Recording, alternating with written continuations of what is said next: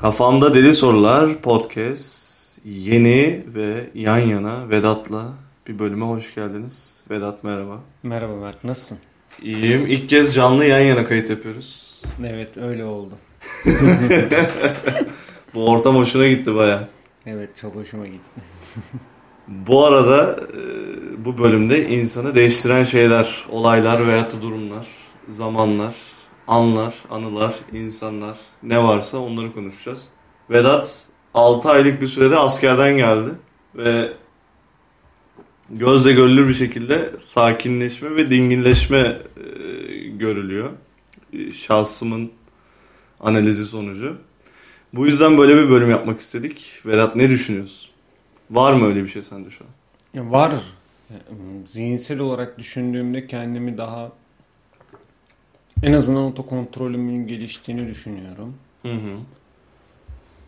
Yani karakter olarak değiştiğimi düşünmüyorum. Hani ne bileyim o öfke, patlama ya da başka şeyler açısından değiştiğimi düşünmüyorum ama kontrol etme ya da yayma diyelim buna. Hı hı. Ben çünkü biraz daha ikincisine yakınım. Kontrol etme değil de yayma açısından değiştiğimi düşünüyorum. Vizyonumun gel- e, geliştiğini ve değiştiğini düşünüyorum. Hayata bakış açımın da değiştiğini düşünüyorum. Bunların sonucunda doğru yani değiştiğimi düşünüyorum da o kadar dinginleştiğim ve sakinleştiğimi bilmiyorum. Doğrudur. Hani kendini sonuç olarak insan. İnsan kendini göremiyor aynada gördüğü gibi. Karakterini analiz edemiyorsun sonuçta. Doğru diyorsun. Peki 6 aylık süre e, kısa değil mi insanın böyle bir aydınlanma yaşaması için? Gerçi bir gün de olabilir. İlla bir süreye vurursak. Ya şöyle neydi onun adı? Ee, hani derler ya çok okuyan mı bilir yoksa çok gezen mi bilir diye. Onu Hı hı. biraz daha değiştirerek diyorum. Çok okuyan mı bilir yoksa çok tecrübe eden mi bilir kısmını hani tecrübe eden daha çok bilir diye düşünüyorum. Ama okuyarak tecrübe ettiğin zaman olayları anlama ve kavrama olayını hani get- ya da ge- e, olayları getirdiğin bakış açın daha sağlam oluyor. Daha çok değişiyorsun. Böyle devrimsel bir süreç yaşayabiliyorsun. O yüzden dediğim gibi bir gün de olabilir ama o biraz daha tecrübeyle alakalı, kitapla alakalı değil. Hı hı. Ya bu şeye benziyor. Ee, Bir insanın mühendislik okuyup teoride bilip ama gerçek hayata atılınca hiçbir şey bilmediğini fark etmesi gibi. Aynen. Gerçekteki tecrübe insanı daha da ne kadar çaresiz veyahut da bir, birden suya atlamak gibi oluyor. Aynen doğru diyorsun. Yani sonuç olarak kitaplardan okuduğumuz zaman birçok şeyi öğrenebiliyoruz. Onlar bir de başka insanların tecrübesi. Tabii hem o yönden doğru diyorsun.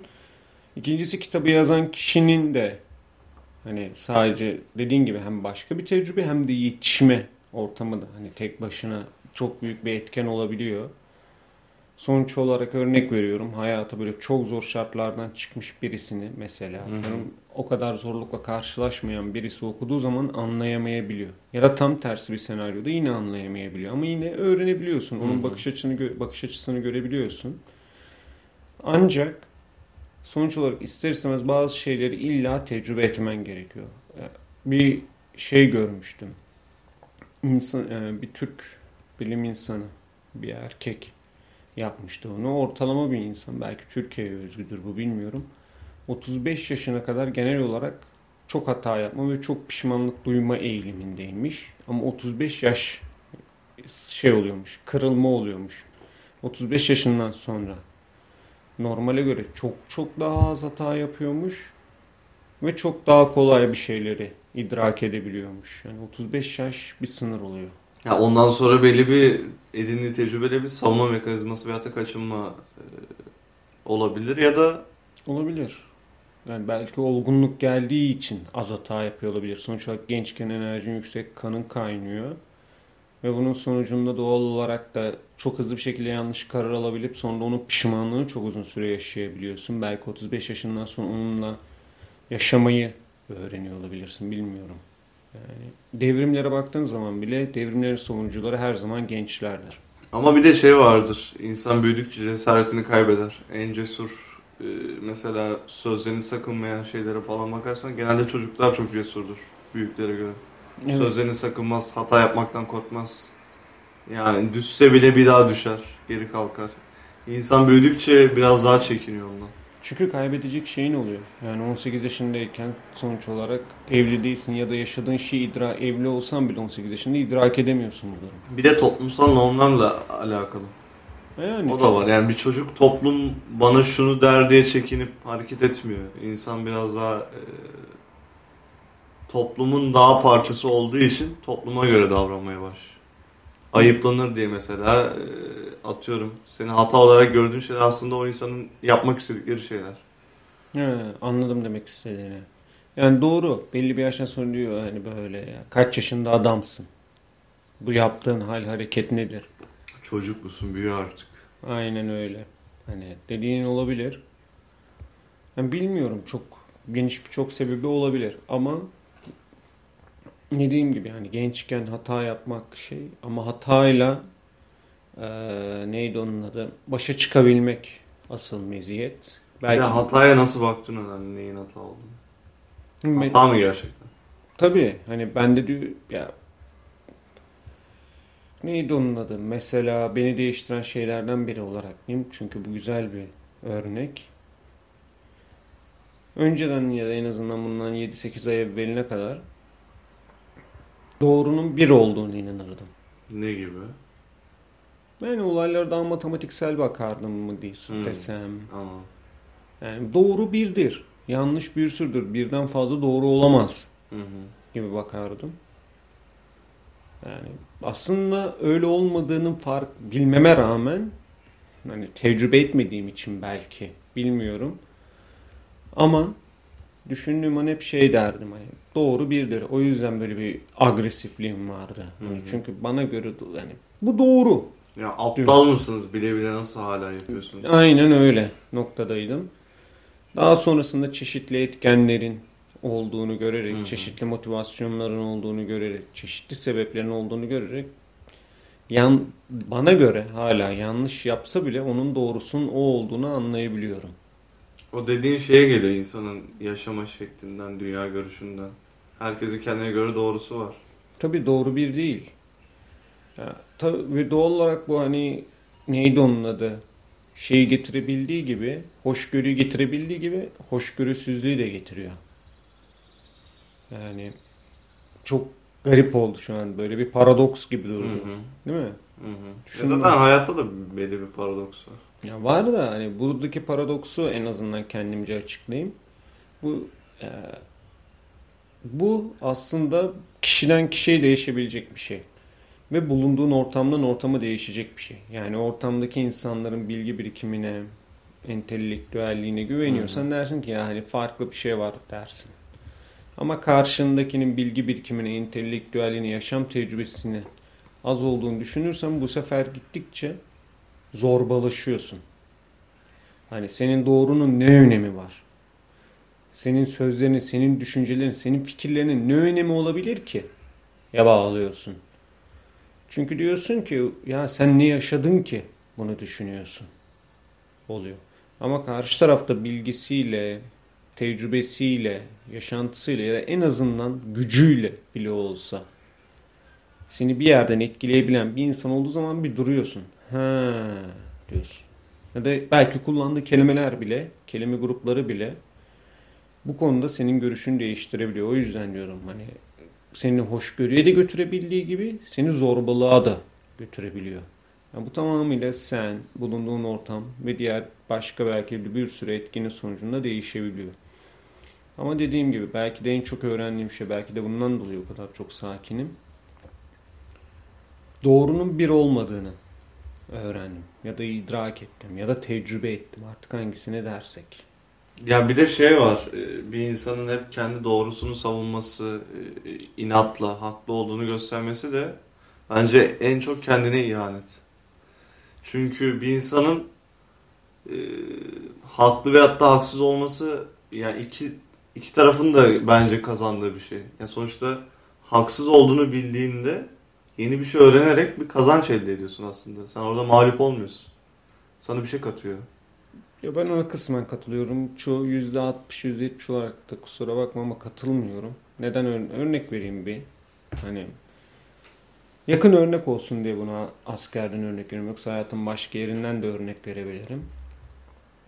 Ben normalde askerde çavuş olmayı beklemiyordum. Hem çavuş hem garnizon komutanının habercisiydim. Hani bayağı üst rütbeli birisi. Doğal olarak birden böyle hiç beklemediğim bir şekilde hem üst düzey insanlarla tanıştım askeriyede.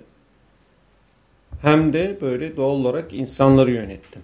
Ve hani memurları da yönettim. Hani aslında alakam olmaması olan yerde memurları da yönetmeyi, idare etmeyi ya- yapmak zorunda kaldım. Onu tecrübe ettim.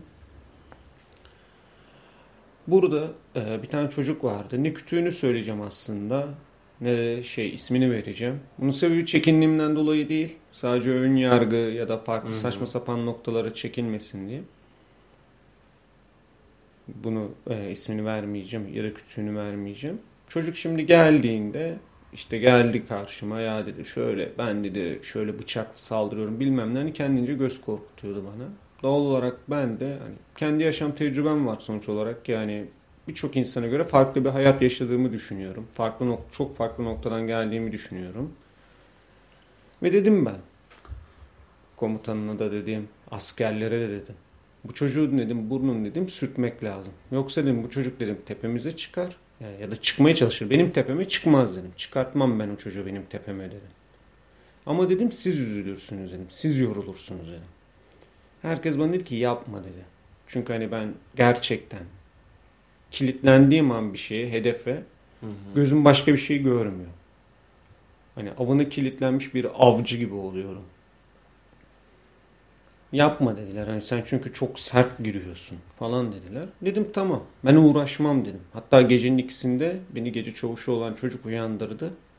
Ya dedi ben de işte konuştum dedi. Sen dedi hani çok dedi şey girmişsin dedi çocuğa. Sert girmişsin dedi. Abi, bokunu kaçırdın ya. Bokunu çıkardın. İşte öyle dendi. Ben de aynen şunu dedim. Vallahi dedim sizin istediğinizi yapayım dedim. Ama dedim günün sonunda dedim ben haklı çıkacağım dedim. Ama benim hiçbir şey kaybettiğim olmayacak dedim. Ve benden nefret eden çocuklar teker teker geldi. Hatta çocuğun suratına da dediler bu dediğimi. Keşke dediler Vedat'ı bıraksaydık da seni bir paramparça etseydi dediler. Komutan ben terhis olurken odasındayız. İşte garnizon komutanının konuşuyoruz falan sohbet ediyoruz. Aynen şu cümleyi dedi biliyor musun? Hem de o çocuk için dedi buna özellikle. Keşke Vedat seni bıraksaydım da özellikle bu çocuk başta olmak üzere hepsinin anasını bir sikseydim dedi. Neden bunu diyorum şimdi? Ben aslında senin dediğini yaptım. Yapmaya çalıştım. Çok uğraştım. Hani ama artık kırılma noktası oldu bende. O kadar çok sorun yaşadım ki. Neydi onun adı? Doğrula hani tamam işi kabullendim. Yani herkesin doğruları farklıdır diye. Hı hı. Ama dedim ki bir yandan da o zaman herkesin doğruları farklıysa hepimiz hani herkese bir konuşayım. Onların da içini bir rahatlatayım. Ve bu sayede hani işler hem kolay yürüsün hem de hani insanların akıllarında bir soru işareti kalmasın. Ya baktım hani gerçekten yıprandım. Çok yoruldum. Çünkü çocuk yüz buldu. Çocuğun yüz bulmasından yüz bulanlar oldu. Hani saçma sapan bir noktaya gitmeye çalışıldı, gidilmeye çalışıldı. Mümkün olduğu kadar da yalan yok. Kontrol ettim her şeyi ama dediğim gibi herkes sorun çekti. Ve hani herkes acı çekti. Ve bunu doğal olarak kaldıramadılar. Zaten çocuk mahvoldu gitti. Hani çocuk tuvalet temizliyor hala. Bak geldi 3. haftasından itibaren tuvalet temizliyor. Hala tuvalet temizliyor. Yani sorsan o geldiğinde sen gitar soluna kadar tuvalet mi temizleyeceksin desen inan hani ne alaka yapar? Yapmam ben öyle iş yapar. Erkektir. Ama şimdi neden? Çünkü biliyorum ben onu. Ben o çocuğu bilerek ezecektim. Hem o çocuk da bunun sonucunda buranın bir şeyini öğrenecekti karşısında garnizon komutanı Nasıl olduğunu. davranabileceğini.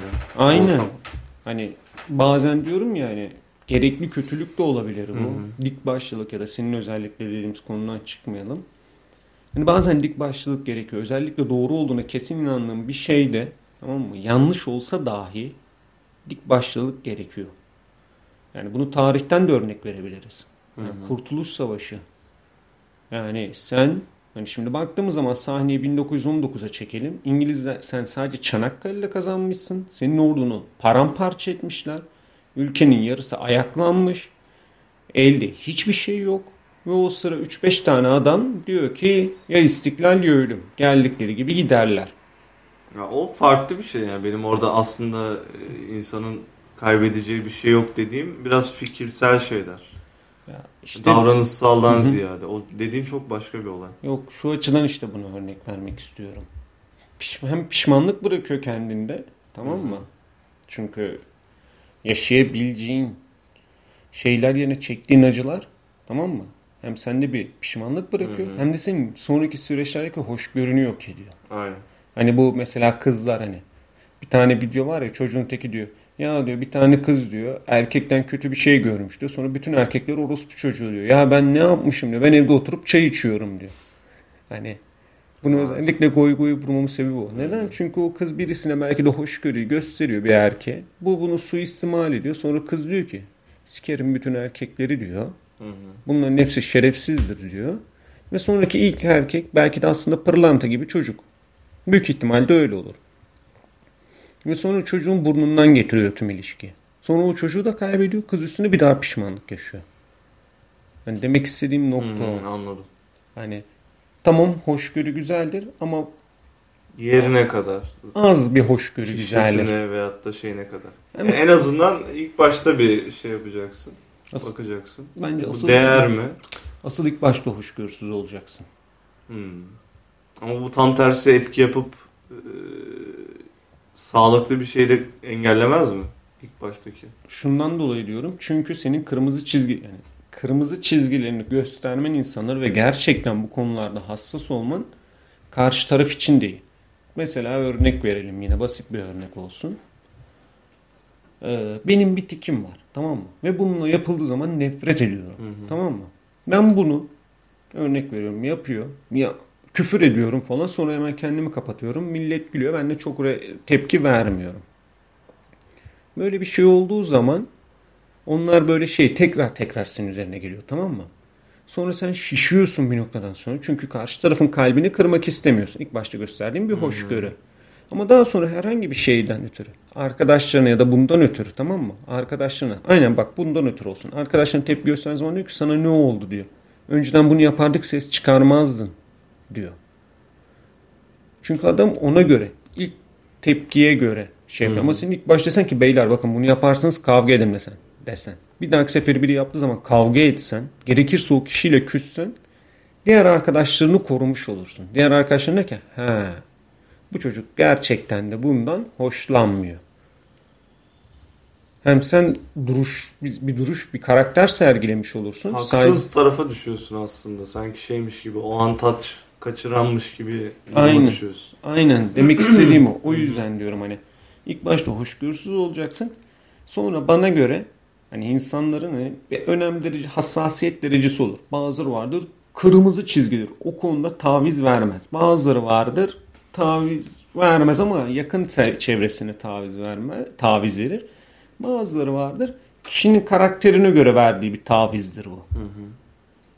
Hani ama bunları zamanla göstermesi gerekiyor. Ama ilk başta katı durması gerekiyor. Ya bir de bir insanın ya da tikinin olduğunu keşfetmemesi lazım. İlla yanlışlıkla söylemeyip şey yapmana gerek yok.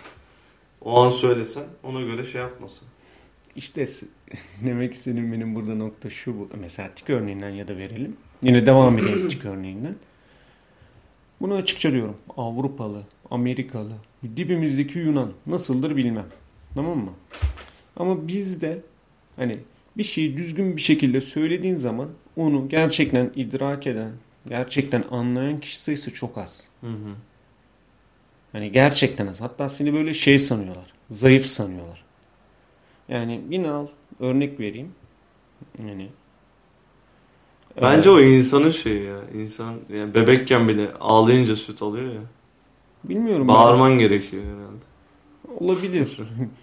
Bilmiyorum yani. Kimse susan çocuğa süt vermez. Ya da mesela çocuğa diyorsun ki sobaya dokunma diyorsun. Elin yanar diyorsun ama çocuk ilk başta yanına yapıyor. Sonra gidiyor bir sobaya dokunuyor. Bir eli yanıyor. Ondan sonra bir daha sobaya dokunmuyor. Yani. Yani bunun gibi bir şey diyebiliriz bilmiyorum ama dediğim gibi insanlara yani özellikle ilk tanıştığın insanlara çok yumuşak baş yani eğer satış pazarlama gibi işler yapmıyorsan hani mesleğin bu değilse bence İlk başta belli bir tabii bir O da insani bir ilişki değil zaten bu arada. E, Pazarlama yaptığın anda. O, sen o insanı anlamaya çalışmıyorsun. ya tabii ama hani benim burada demek istediğim nokta şu. Hmm. Hani pazarlama satış işi yaptığın zaman böyle biraz su gibi olman gerekiyor. Karşı taraf seni eliyle tutamamalı. Eğer müşteri seni eliyle tuttuğu zaman sen ürünü satamıyorsun. Sen orada böyle adamın böyle su gibi olman lazım. Adamın bütün hücrelerine bir anda nüfuz edebilmen lazım. Ya da hava gibi olman lazım diyelim. Ama normal bir ilişkide illa ilk başta böyle bir sert olman gerekiyor, açık olman gerekiyor. Tabii bu ilişki tiplerine göre de değişebilir. Tek gecelik bir ilişki yaşıyorsan sert tarafını göstermeye gerek yok. Maksat Yani. o kızı düşür, devam yoluna bak. Ama uzun süreli bir ilişki, bir arkadaşlık, bir dostluk gibi şeylerde bence en azından ilk önce bir sert tarafını ya da insanlara en azından onu bir söyle ki ya da bir göster ki. Dürüst olman gerekiyor. Yani Evet. olmadığın bir insan gibi de davranırsan hayatın boyunca rol yapmak zorunda kalırsın elde etmek için. Tabii. Haklısın onda. Hani değiştiğim şeylerden biri dersen işte mesela budur. Hı hı. Hani ben önceden özellikle lise zamanında şey derlerdi hani ben böyle çok hızlı bir şekilde birisiyle samimi olabilirdim. Hı hı. Ondan sonra çok hızlı bir şekilde birisi beni gördüğü zaman sokakta hemen sarılırdı. Çok popüler, korkunç bir popüleri. Mesela popüler. onun da iki taraflı toplumda. Bazısı çok sever öyle insanı. Bazısı da gevşekler. Arası yok yani o dediğin olayın. Yani bazısı çok böyle kutuplaşma var o insanla alakalı. Ya tabii var. Ben yok demiyorum. Ya o çok enteresan bir şey yani. Doğru diyorsun. Arası yok onun. Doğru diyorsun. Kimileri seni aşağılıyor. Kimileri de seni hani böyle bir hayran Basit oluyor. misin diyor yani. Heh, Bu kadar aynen. insanla nasıl samimi olursun? Aynen. Kimisi aynen öyle diyor. Basit misin diyor. Kimisi de sana hayran oluyor. Bilmiyorum. Bana da her iki taraftan eleştiri, hani eleştiri ve övgü geldi. Ama hani lisedeyken dediğim gibiydi hani böyle. Ya bak korkunç hiç şöyle bir şey düşünür müsün ya? Bir insan bir mahalleye girecek. Hani mahalle değil mi? Hani bir sokak değil. Bayağı bildiğin bir mahalle. Tamam mı? Tersaneye, bir tersane bizim güzel yıldan bir sonraki yer. Tersane, bir önceki yer falan. Dört yol, Çakaldere. Hani nereye giderse gitsin bir insan. Ya illa bir yerden bir tanıdığı çıkar mı? Bizim lisedeki çocuklar benimle dolaşmaktan nefret ederdi. Durmadan duruyor böyle yolun. O ondan dolayı değil, biraz haset ederlerdi. Ha kıskanç. Hani derlerdi nasıl olur bu ya derlerdi. Gittiğin her yerde ne bu? Lisede her yaştan insan beni tanıyor. En üst sınıf, dok- 10. sınıfım, 12. sınıflar benimle oturuyor. Ondan sonra her yerde bir tanıdığım var. Başka liselerden tanıdığım var. Oradan tanıdığım var. Buradan tanıdığım var. İlk başta güzel duruyor. Ben yani diyorum ya yaptığın işe göre ya da başka bir şey için hala güzeldir. İş gördürür falan. Hı hı. Ama bir noktadan sonra anlıyorsun hani o olmuyor. Hani yakın çevrendeki insanla diğer insan hani fark edemiyor bazı şeyleri. Sen de farklı reaksiyonlar gösteriyorsun. İnsanlar gerçekten seni tanıyamaz oluyor. En azından benim gördüğüm ve son tecrübe ettiklerimle birlikte artık ya hani şey diyorum. İlk başta hoşgörüsüz olmak hani mesela daha iyi. Bu beni değişen hani hem zamanla değişen bir özelliğim artık hani kesin bir noktaya gelen bir özelliğim oldu bu. Ee, peki yani sen mesela bunu askerlikte anladın ya. Askere gitmeden önce böyle bir şey olacağını tahmin edebiliyor muydun? Düşünebiliyor muydun yani Yani- seni böyle değiştirebileceğini? Açıkçası kibirliydim. Hı hı. Yani sana bahsettim işte hani ben nasıl bir hayat yaşadım az çok. Doğal olarak kibirliydim. Çünkü askerlikte yaşayacağım şeyleri cebimden çıkaracağımı düşünüyorum ki gerçekten cebimden çıkardım bu arada. Hı hı. Hani milletin depresyona girdiği, annesini babasını aradığı, bir sürü şeyden yakındığı, şikayet ettiği şeylerin hepsi benim için Normal. nor- normal ötesi bir şeydi. O kadar rahattım ki insanlar bana şaşırıyordu. Ya bu arada askerlik e, düzenli tertipli bir insansan ya, ya da bir de emir komuta şeyine saygılı bir insansan cennet gibi bir yer. E tabii çok hızlı uyum sağlayabiliyorsun. Bir de ben işte neydi onun adı? İşte adam bana bak, komutan beni çağırdı takım komutanı. Acem Birliği'ndeyiz. Herkesin işte bilgilerini alıyor ki usta birliğinde ona göre görev verilsin. Beni çağırdı mesela dedi. Vedat dedi nerelisin? İşte Bolluyum. Ondan sonra hangi üniversiteden mezunsun? Yeditepe Üniversitesi. Nerede? İstanbul'da. Özel mi devlet mi? Dedim özel. Bana baktı. Ondan sonra dedi ki Baba mesleğine. Dedim fabrika işçisi. Döndü bir daha baktı bana döndüm. Anne mesleğine dedi. Ev hanımı dedi. Döndü bana dedi. Oğlum dedi özel üniversite nasıl okudun dedi. Ya komutanım dedim. Tam burslu okudum dedim. İyi dedi. Hani bir tek bana dedi mesela şunu. Burada dedi birisi bile dedi sana karışırsa dedi ne çavuşuna gideceksin dedi. Ne işte dedi Mahmut, Mahmut, Assu, e, Mahmut Assuba'ya gideceksin dedi. Doğruca bana geleceksin dedi. Takım komutanı herkesin korktuğu adam gel dedi bana. Hani ben ama biliyordum. Yani takım komutanıyla aramın iyi olabilir. Yani komutanlarımla aramın iyi olacağını mesela ben gitmeden önce de biliyordum. İnsan gözünden de anlıyorlar bu arada. Artık o çok insan tanıdığı için. Ya olabilir. Doğru. Ama bak hani diyorum yani bak birçok her şeyi beklediğim gibi Hı-hı. gitmesine rağmen ve gerçekten uyum sağlamama rağmen dediğim gibi böyle beni çok değiştiren, çok zihnen farklı bir noktaya iten, hani hiç olmadığım kadar özgüvenli bir şekilde olaylara yaklaşmamı sağlayan olaylar da çok yaşadım. Hani değişeceğimi beklemiyordum ama dediğin gibi yani çok değişti, değişmişimdir. Yani ben zihnen bile değiştiğimi hissedebiliyorum. E, ileride de değişeceksin bu sabit kalan bir şey değil yani. Ya tabii canım insan bu. Ya sadece şey oluyor işte böyle askerlik vesaire evlilik olur, ölüm olur. Bunlar insanı birden belli bir süreçte farkında olarak değiştirdiği için bu kadar ön plana çıkıyor. Yoksa yaşadığın her gün sana bir şeyler katıyor. Tabii yani mesela örnek vereyim bu ölümle alakalı. Ben 21 yaşındayken yanlış hatırlamıyorsam babaannemi vefat ettim. Bu şey babaannemi kaybettim. Ama şöyle kaybettim. Hani biraz sıkıntılı bir şeydi. Nasıl? Babaannemin evde hani böyle bir bir şey geçirdi artık bilmiyorum. Kalp krizi mi olur? Nedir bilmiyorum. Annemin elleri ayakları dolaştı. Orada çift değişimi yaşadım hem de. Babaannemi ben kucakladım. Kadın ağır geldi. Bir de uykumdan uyanmışım. Üstünde sadece tişört iç çamaşırı var. Aşağı yalına ekliyorum. Bu arada Mart ayı. Kesiyor her yer normalde. Merdivende böyle birden kadın inanılmaz ağırlaştı kollarımda tamam mı? Ama tabii can abi ulan kadın ölecek mi ölecek bilmem ne indir indir falan filan. Hey, korkudan heyecandan mı ne artık ambulansı da aramamışız. Taksi aradık. Neyse hastaneye gittik falan. Sonra doktor dedi ki yolda dedi hayatını kaybetmiş dedi. O sıra dank etti. Büyük ihtimal hani büyük ihtimal benim kendi tahminim bu. Babaannem benim kollarımda öldü. Hani. Ölümün verdiği o ağırlık Aynen. birden. Yani ben de onu yordum. Bunu niye anlatıyorum? Birden hani kucağında bir ölüyle karşılaşınca tamam mı? Hem düşünce yapımı çok değiştirdi hem de davranış yapımı birden çok değiştirdi. Çünkü hani öldü o. Hani babaannem benim kollarımda öldü. Böyle baktığım zaman o kadın benim kollarımda öldü.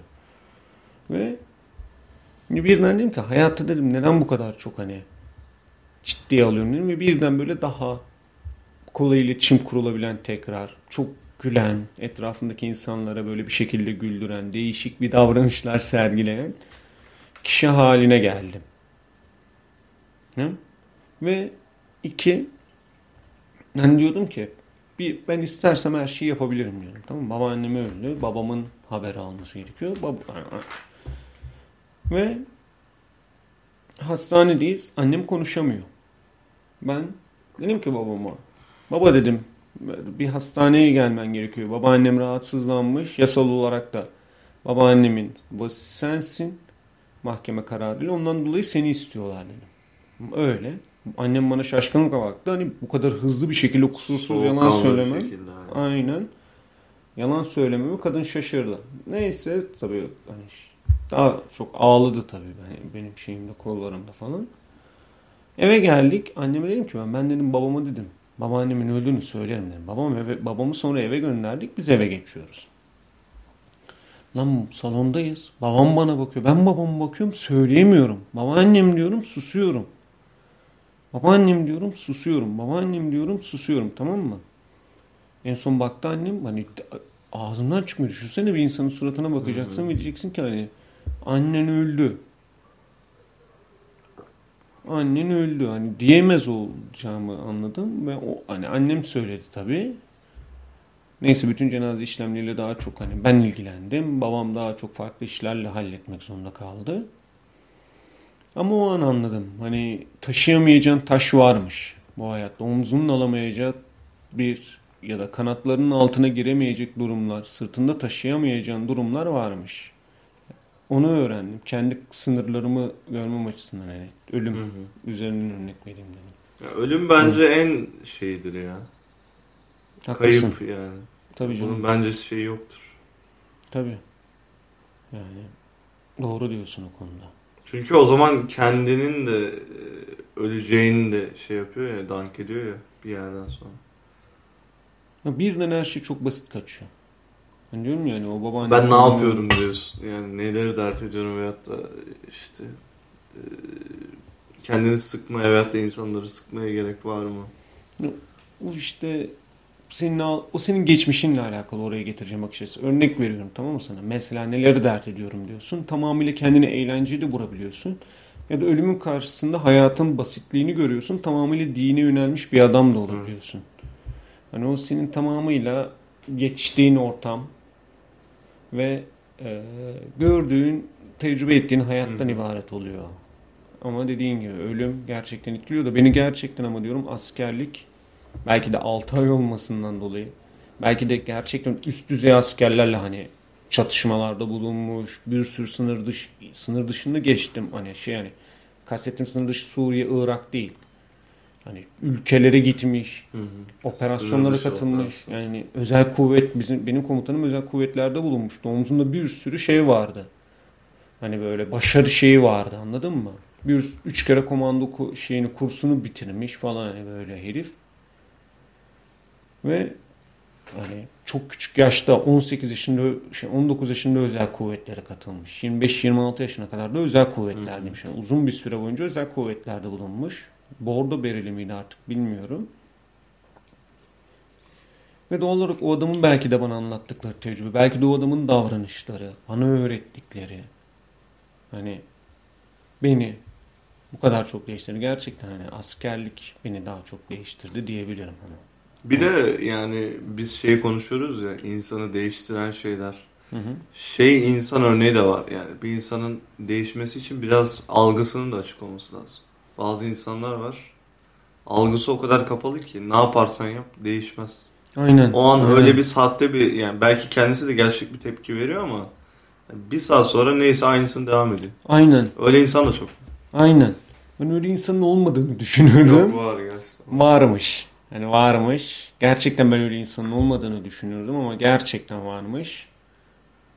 Hani arada haklısın öyle bir insanın e, zihnen, aklen sağlıklı olduğunu düşünmüyorum. Yani doğanın akışına ters, algısının kapalı olması. Yani bir insansan sonuçta bir iraden var.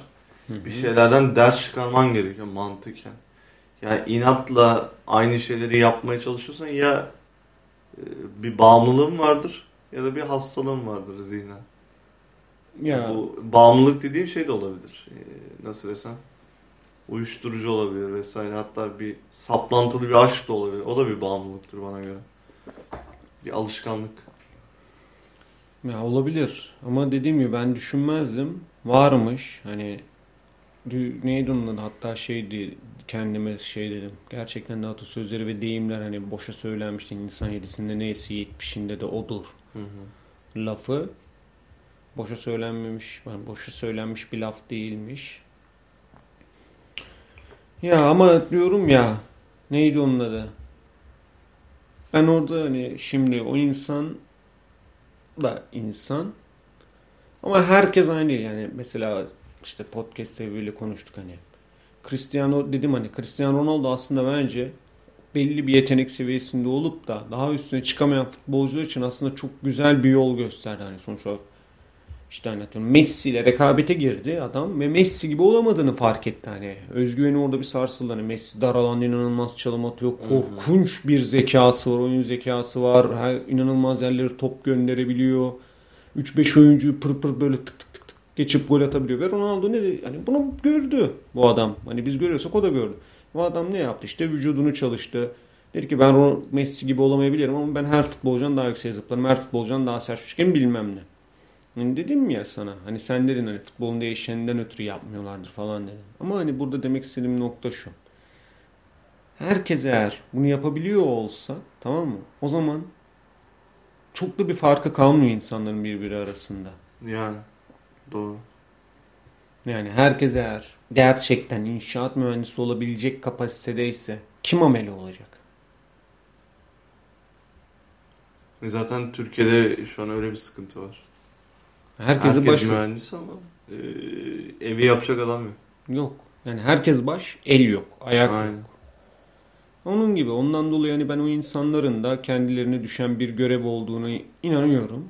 Ama insanlar bunu nasıl ikna edeceksin ilk başta? Tamam ihtiyaç olduğunda e, o arz talep şey oluyor ama insanları en başta bunu ikna edemiyorsun.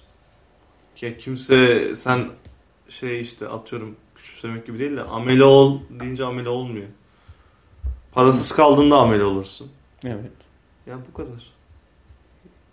Ya ne yapabilirsin bunu ya da genel olarak mesela hmm, o kadar büyük çaplı örnek vermeyeyim de küçük çaplı bir örnek vereyim.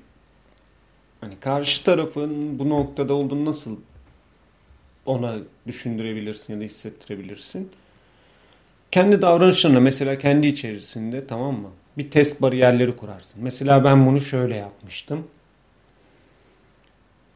Hem bizim iki yani bizim bir altlarla iki altlar Hı hı. geldiğinde önce ben bizim bir altlar geldiğinde Kenan diye devremle yani ismini vereyim o önemli değil. Markete çıktık tamam mı? Bu dedi ki ya dedi çocukları dedi şunları şunları şunları alalım tarzı cümleler kurdu. Ben de ona dedim ki almayalım. Aynı şeyi bu arada diğerlerine de yaptım. Dedim ki almayalım. Dedi niye? Çünkü dedim hani bu çocukların asıl ne yaptığını görmemiz lazım. Yani olayı sen bir şey verdiğin zaman herkes seninle iyi olur. Maksat o çocuğun ne kadarıyla açık oluyor ya da atıyorum bir şey aldığı zaman nasıl paylaştığını görmenin tek yolu onun ne yaptığının farkına varabilmendir Hı hı. diye düşündüm. Hani ben aldırmadım. Mesela onu en altlara da aldırmadım. Hani şöyle ben işte bir alt devrem olan çocukla birlikte market alışverişine çıktım. En alt çocukların siparişleri falan var. Ya dedi işte dedi kola alalım dedi. Ondan sonra dedi cips mips alalım ki dedi. Hani çocuklarla beraber yeriz dedi. Şey olur dedi. Ben de dedim ki almayalım. Ni, niye diyor dedi. Şu bundan bundan bundan dolayı maksat dedim. Biz bunu aldığımız zaman biz zaten cipsi ortaya koyarız dedim. Biz zaten bunu yapıyorduk dedim. Ama olay şu. Onlar aldıkları cipsi nasıl ortaya getirecekler mi? Getirmeyecekler mi? Yahut farklı bir şey getirecekler mi? Getirmeyecekler mi? Bunu görmemiz gerekiyor dedim. Çünkü hani sen dedim karşı tarafa dedim tanımadan dedim yanlış davranamazsın. Bunu niye diyorum? Hani kendince karşı taraflarla insanlarla tanışırken bir test bariyerleri kurarsın. Tartarsın yani insanı açıkçası. Aynen yani kendi zihninde atıyorum tuzak şey yaparsın. Örnek veriyorum basit bir şey oldu. Sen bir çocukla ya da ortamdasın 3-5 arkadaşla birliktesin. O çocuk garson nasıl sesleniyor? Bu kritik bir nokta mesela. Çünkü hı. garson orada hizmet eden adam. Garson görevi de bana hizmet etmek. Tamam mı? Hı. Mesela böyle garson hitap ederken çıt kırıldım mı konuşuyor? Net mi konuşuyor? Yahut böyle garsonu köpekliyor mu? Bu doğal olarak birden o çocuğun tak diye yerini senin için. Yani sen o çocuğu kendince bir notunu verirsin. Hem de o çocuğa ona göre davranırsın. O çocuk da en azından senin gözünde değerini bilir. Hı hı. Hani bunu ne bileyim geneli de yaymak istersen sağlıklı bir testler bilmem neler zartlar zurtlar. Hani geneli artık konuşasım da yok. Hani vardır yoktur da. Hani daha bireysel konuşurum. Konuşmayı düşünüyorum en azından. Bireysel tecrübe zaten geneli de yansıtıyor bir yerden sonra. Doğrudur. Ama hani özellikle diyorum. Hani benim mesela bir arkadaşım var. Hani garsonla konuşurken mahcup gibi konuşuyor. Hani böyle şeydir. Mesela o dersin ha bu çocuk böyledir, böyledir, böyledir. Başka biri konuşurken ha bu çocuk böyledir. Umursamazdır mesela dersin. Adam geliyor böyle koyuyor ha iyi al kartı diyor gönderiyor. Hem böyle biraz köpekliyor mesela hem de umursamıyor. Ha, bu böyledir. Hı hı. Gücü sever yani atıyorum şatafatı sever. Ya da o şöyledir, bu böyledir diye kendi içinde insanları puanlayabileceğin bir mini kriterler listesi koyabilirsin. Ama hani sen diyorsun ya hani o insana o insan ancak bu şekilde yerini gösterebilirsin. Yani bir de bazı insanlarda da şey var ya inatla bir insanın dediğin gibi tartmasına rağmen kötü olmasına rağmen hala ona iyi davranıp nasıl desem o işte adam diyor ki ben iyi davranıyorum. Bu beni görüp utanacak ve mahcup olacak. Böyle bir algı da var yani bu çok yanlış bir algı. Yani karşıdan bunu beklememen gerekiyor. Zaten bir insan kötüyse kötüdür. Ha ilk başta denersin ama sanmıyorum bu arada. Böyle bir şey olacağını. Bunu mesela Nuri Bilge Ceylan'ın e, Kış Uykusu diye bir filminde var. Orada da öyle bir anekdot vardı. Orada bir karakter ısrarla böyle böyle diyordu. Ama kendi başına bir şey geldiğinde de o insana karşısında ona mesela çok absürt bir olay. O, o sahnede şey hatırlıyorum. Neydi bir kıyafetini falan yap, şey yapan hizmetçiyi azarlıyordu mesela. Bunu savunuyor ama kendi hayatına gelince tam tersini uyguluyor. İnsanlar böyle lafta şey yapıyor ama gerçi gerçekte de yapan var. Bence Evet. çok e, gereksiz bir şey yani. Çok Bence iyi de. iyi bir beklenti ama Gereksiz. Yani gerçek hayatta olmayacak bir şey. Ya Gereksiz. teoride doğru aslında. Bir insanı belki şey yapabilirsin. Her şeye rağmen iyi davranırsan belki ama o vicdani şey olması gerekiyor. Hem o vicdani bir şey olması gerekiyor. İkincisi şu. Bu sürecin çıkar boyutu önemli. Hani bunu yaşadım. Anlatmayacağım burada olayı. Podcast sonrası anlatırız. Çünkü Hı hı. farklı bir şey. Hani e, neydi onun adı ama yaşadım. Hem de çok şiddetli yaşadım. Bunu yapan kişi o kadar pişman oldu ki hani e, bundan belki 5 gün önce falan beni aradı. Ve o kadar pişmandı ki o yaptıklarından. O kadar hani diyordu ki hani keşke o öyle iyi davranmasaymışım ben diyordu ya. O kadar pişmanım ki ya diyordu keşke diyordu hani yapmasaymışım. Gerçekten hani senin bu kadar haklı çıkabileceğin bir şeyi ben düşünemiyordum hani diyordu. Ha, Neden? Çünkü onun da kendi hayat tecrübesi var ve korkunç bir şekilde hayal kırıklığını anlattı bana kendisi. Bir şey diyemedim. Çünkü hani geçti gitti hani açısından. Ya orada haklıydım falan diye böbürlenmenin de bir manası Hı hı. yok bu arada. Zaten adam Aynen. orada yeterince hayal kırıklığına Uğramış. Onun Evet. ezikliğini de hissediyor. Seni aramış. Yani bu kolay bir şey değil bu arada. Hem Bir insanın hata yaptığını kabul etmesi de büyük bir erdemdir ama bir yandan da hem de kötü benim, bir şeydir yani. Hem de, hem de karşı tarafı arıyor. Sonuç olarak hani atıyorum ben yerine başka birisi olup bak ben demiştim de dediği zaman daha da şey Hı hı. olur. Ben demedim. Hani teselli etmekten ziyade daha çok böyle umursamaması yönünde sözler söyledim. Bunu niye diyorum? Çıkar önemli. Yani örnek vereyim. Bir kişiyle bir kişi tamam mı? Kısa süreli anlık çıkarlar için bir aradaysa senin ona yaptığın hoşgörüden büyük bir ihtimal o sana geri dönmez. Hı hı. Çünkü anladın mı? Örnek veriyorum. Sen o adamı mesela markette sıranı yeri, yerinin sırasını verdin tamam mı? Hani basit bir örnek Hı olsun. hı. Ya da dur nasıl bir örnek gelelim? Nasıl bir örnek verirsek? Aklıma da gelmiyor şu anda. Market örneği de saçma geldi şu an. Ya mesela şey diyelim. Ne derler? Ee, atıyorum evine gelen bir tane tamirci. O an sen e, işini iyi yapsın diye o an sen o adama iyi davranıyorsun. Hı. Ama senin öyle bir ihtiyacın olmazsa aynı muhabbeti dışarıda gördüğünde selam vermeye devam edecek misin? Adam mesela sen o, o gün iyi davranıyorsun ki hem ucuza kapatayım, aram iyi olsun. Bir yandan da işimi güzel yapsın, samimiyeti kurayım. Ondan sonra herkes Ama sana daha da şey bir örnek vereceğim. Tam tecrübe ettiğimiz bir şey. Melike de bahsetti ya. Hani mesela sınav dönemi yazan çocuk. Hı hı. Aynen. Güzel bir örnek. Sen şimdi o çocuğa not veriyorsun. Neden? Diyorsun ki hani ben zor duruma düştüğüm zaman o çocuk da bana not ateşlesin. Ama zaten o çocuğun anlık çıkar çok kısa bir süre. Senden not aldıktan sonra seni bir daha görmek istemiyor ki. Niyeti Ya. o senin senden.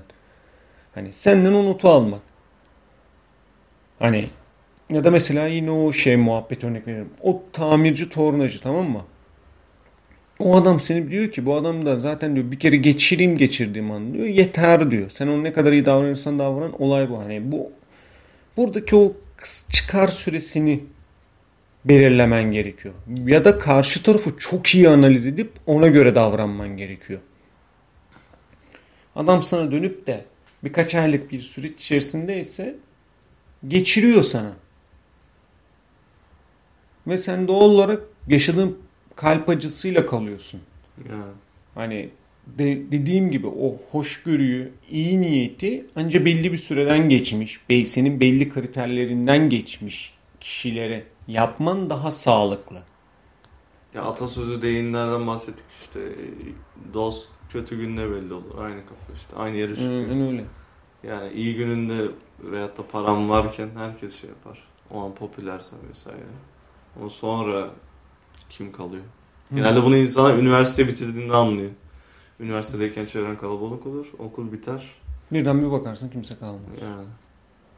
Hani dediğin gibi hani mühim olan nokta işte oradaki o kişiyi yakalayabil. Hani Hı. iyi ya çok gerçekten insan sarrafı olacaksın ki doğru insanları bu iyiliği yapıp onun o vicdan azabı ya farklı şeyler çekip sana yaklaşmasını sağlayacaksın. Ama kötü insanı da ısrarla değiştirmeye çalışmayacaksın. Değişmiyor. Değişmez. Maalesef. Dediğin doğru değişmez. Ben bunu gerçekten diyorum yani bak benim hani gerçekten inat ettiğim özelliklerde bunlar. Bir arkadaşım bana dedi sen dedi korkunç gaddarlaşmışsın dedi. Yani sende dedi böyle bir potansiyel vardı ama bu kadar ileriye gidebilecek bir gaddarlık seviyesini hiç düşünmüyordum dedi. Hani arada ço- çocukla konuşuyordum. Dedi sen dedi korkunç gaddarlaşmışsın dedi. Başka bir arkadaşım aynı arkadaş grubundayız. Hani o diyordu zaten diyordu senle benim yolum bu. Senle benim yolum bu diyordu. Gaddarlaşacağız biz diyordu. Ömrümüzün sonunda belki de öldüğümüz zaman diyordu. Korkunç gaddar adamlar olacağız diyordu. Ya aslında bu e, bunun ismi gaddarlaşmaksa bu senin yaptığın bir şey değil aslında. Yani senin elinde olan bir şey değil. Toplum seni buraya itiyor. Senin İşte. suçun değil. Bu ne biliyor musun? Şimdi hani muhabbetin başında bir örnek Hı hı. verildi yani kitap mitap muhabbet. Hı hı. Şimdi hayatı genellikle kitaplarla yahut daha soyut şeylerle yaşayan insanlar değerler konusunda daha radikal olur. Hı hı. Yani insanları iyi dav, hepimiz insanları iyi davranmalıyız. Neden? Çünkü örnek veriyorum kitapta yazıyor. Hangi kitap atıyorum? Dini kitap da olabilir, farklı bir kitap da olabilir. Yahut şu, yahut bu. Ve baktığın zaman gerçek hayatı gördüğü zaman bu insanlar düşünceleri paramparça oluyor. Ama o insanlar zaten gerçek hayata inmiyor. Yani bunun ideolojik olarak en güzel... İndiğinde de zaten fikir değişiyor. Aynen. Yani mesela bunun en güzel ideolojik örneğini verelim. Solcular. Türkiye'de solcular sokakta yoktur. Hani sokağı kaybettiler. Hı hı. Tamam mı? Ondan sonra örnek verelim. Siyaset arenasında doğrudan kaybettiler. Ne akademide ve doğal olarak şu an küresel şeyde varlar. Sol. Zümrede var. Hı. Yani görüşler artık sola endeksli. Ve ne bu insanlar radikal. Neden? Çünkü adam kitaba bağlı. Ne Marx, Lenin, bilmem ne falan filan. Adamın bu düşüncesinin gerçek hayattaki karşılığını gördüğü zaman yıkılıyor. Hani ne oluyor böyle? Paramparça oluyor. O yüzden yaşlı solcu mesela zor bulursun. Eski tüfekler hariç. Mesela şu an 35 yaşında bir solcu bulmak zordur. 20 yaşındaki adamı bulursun solcu. 25 yaşındaki adamı bulursun solcu. Neden adam o sıra hani genç. işte üniversiteden çıkıyor. Kitap okuma alışkanlığı var. Okuyor. Ya Marx baksa falan. okuduklarına bakıyor. Aa ne güzel lan falan. diyor. Yani çok mantıklı, falan. çok mantıklı diyor. Hani bu arada yalan yok gerçekten de Marx bence çok iyi bir iktisatçı. Hı hı.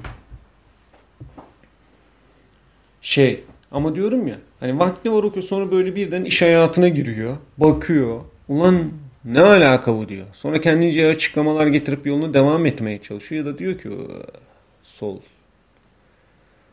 Teoride iyi olabilir ama pratikte iyi Ya değilmiş. baba yani bir de yani şu anki günümüz toplumunda adam diyecek ki mesela atıyorum şimdi solcu 10 numara solcu şimdi o 10 numara solcu ne bilmiyorum ama adam atıyorum 10 milyar maaşlı bir işe girdi. Çok güzel para kazanıyor. Lüks bir hayat şey yapıyor. Sen şimdi o adamı e, sosyalist devrime şey yap ne yapacak? Bağıracak. İstemiyorum. Bana ne? Ben çalıştım. Paramı kazanıyorum. Niye başkasıyla paylaşayım diyecek. Dikran Masis. Biliyor Yani. musun hiç Dikran Masis'i? Ne o? Girişimci birisi. Şu an eski Jin'in mi ne? Sahibi mi ne? Hı hı. hani nation hani milliyet uyruk olarak Ermeni ama Türk Hı hı. vatandaşı. O da diyordu biz diyor 60'lardan o hani şey diyordu biz diyor işte Mao'yu falan diyor ezbere bilirdik diyor ya diyor ne o diyor şimdi nesiniz diyor kadın soruyor bunu. Şu an diyor para diyor aşkı bile satın alır diyor. Adam o kadar kapitaliste bağlamış hani. Şey açısından bunu diyorum ya da hani bireysel açıdan örnek verelim. İşte mesela bazı insanlar vardır. Aşk insanıdır o. Tamam mı? Hı hı. Bu arada yavaştan toparlayalım 50 dakika olmuş. Tamam. Hani aşk insanı o. olarak diyor ki hani gidiyor gidiyor diyor. Ama daha sonra o aşk insanı karşı cinsle tanıştı ya da artık neyse cinsel yönelimi.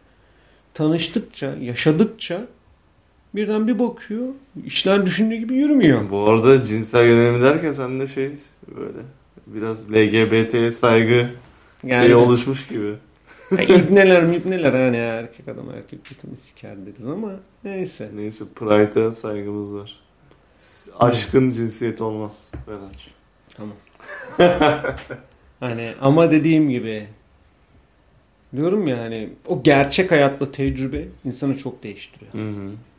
Hani insanların hani ve son olarak hani diyebileceğim Ya pembe götte ol- olunca dünyayı olumlu bakmak güzel de işte. O göt Hı. nasıl tuttu mu?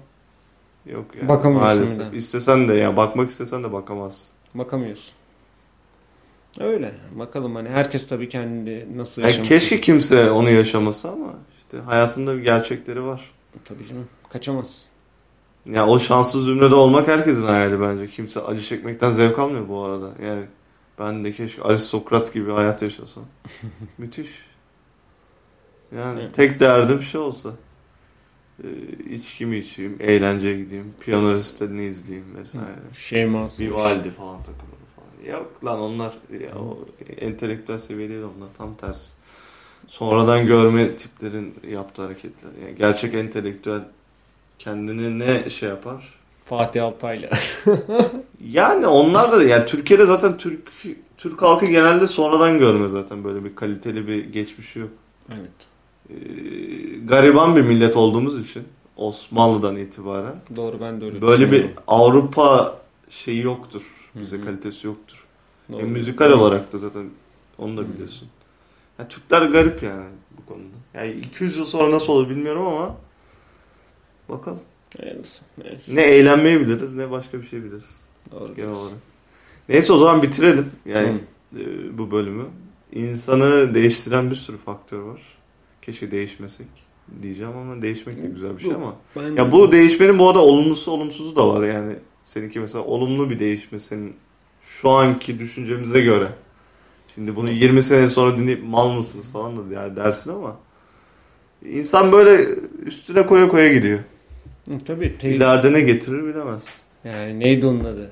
Kişinin burada bulunduğu yer ve duruma göre benim olumlu mu olumsuz mu değiştiğim Ya cebindeki paraya göre de değişir yok düşünce. sadece o açıdan değil. Mesela. Yani şimdi ben çavuştum. Bir de benim altımda erlerim Aa. vardı. Şimdi o erlere sorsam benim hakkımda ne derler? O farklı bir soru. Hani o, o örnek açısından dedim. Hani mevzu para değil. Kişinin Hmm. bulunduğu konum açısından dedim. Ama ben son olarak bitirirken diyeyim bunu. Keşke hani diyorsun ya öyle. Ben onun yerine diyorum ki keşke insanlar gerçeklerle ya da benim kastettiğim benim gerçeklerim değil. Hani hayatın gerçekleri neyse artık keşke hepimiz onu yaşasak. Keşke. Hani böyle En temizi.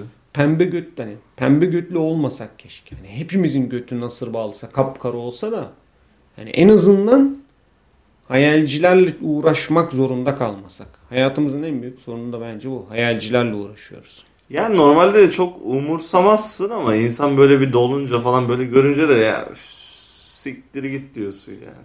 Bu arada bu er konusunda dedin ya e, kimseyi mutlu edemez. Ya bu ülkede Atatürk'ü sevmeyen de var. Atatürk'ü sevmeyen varsa beni niye sevmiyorlar diyemezsin doğru. Doğru canım. Ne yapsam boş.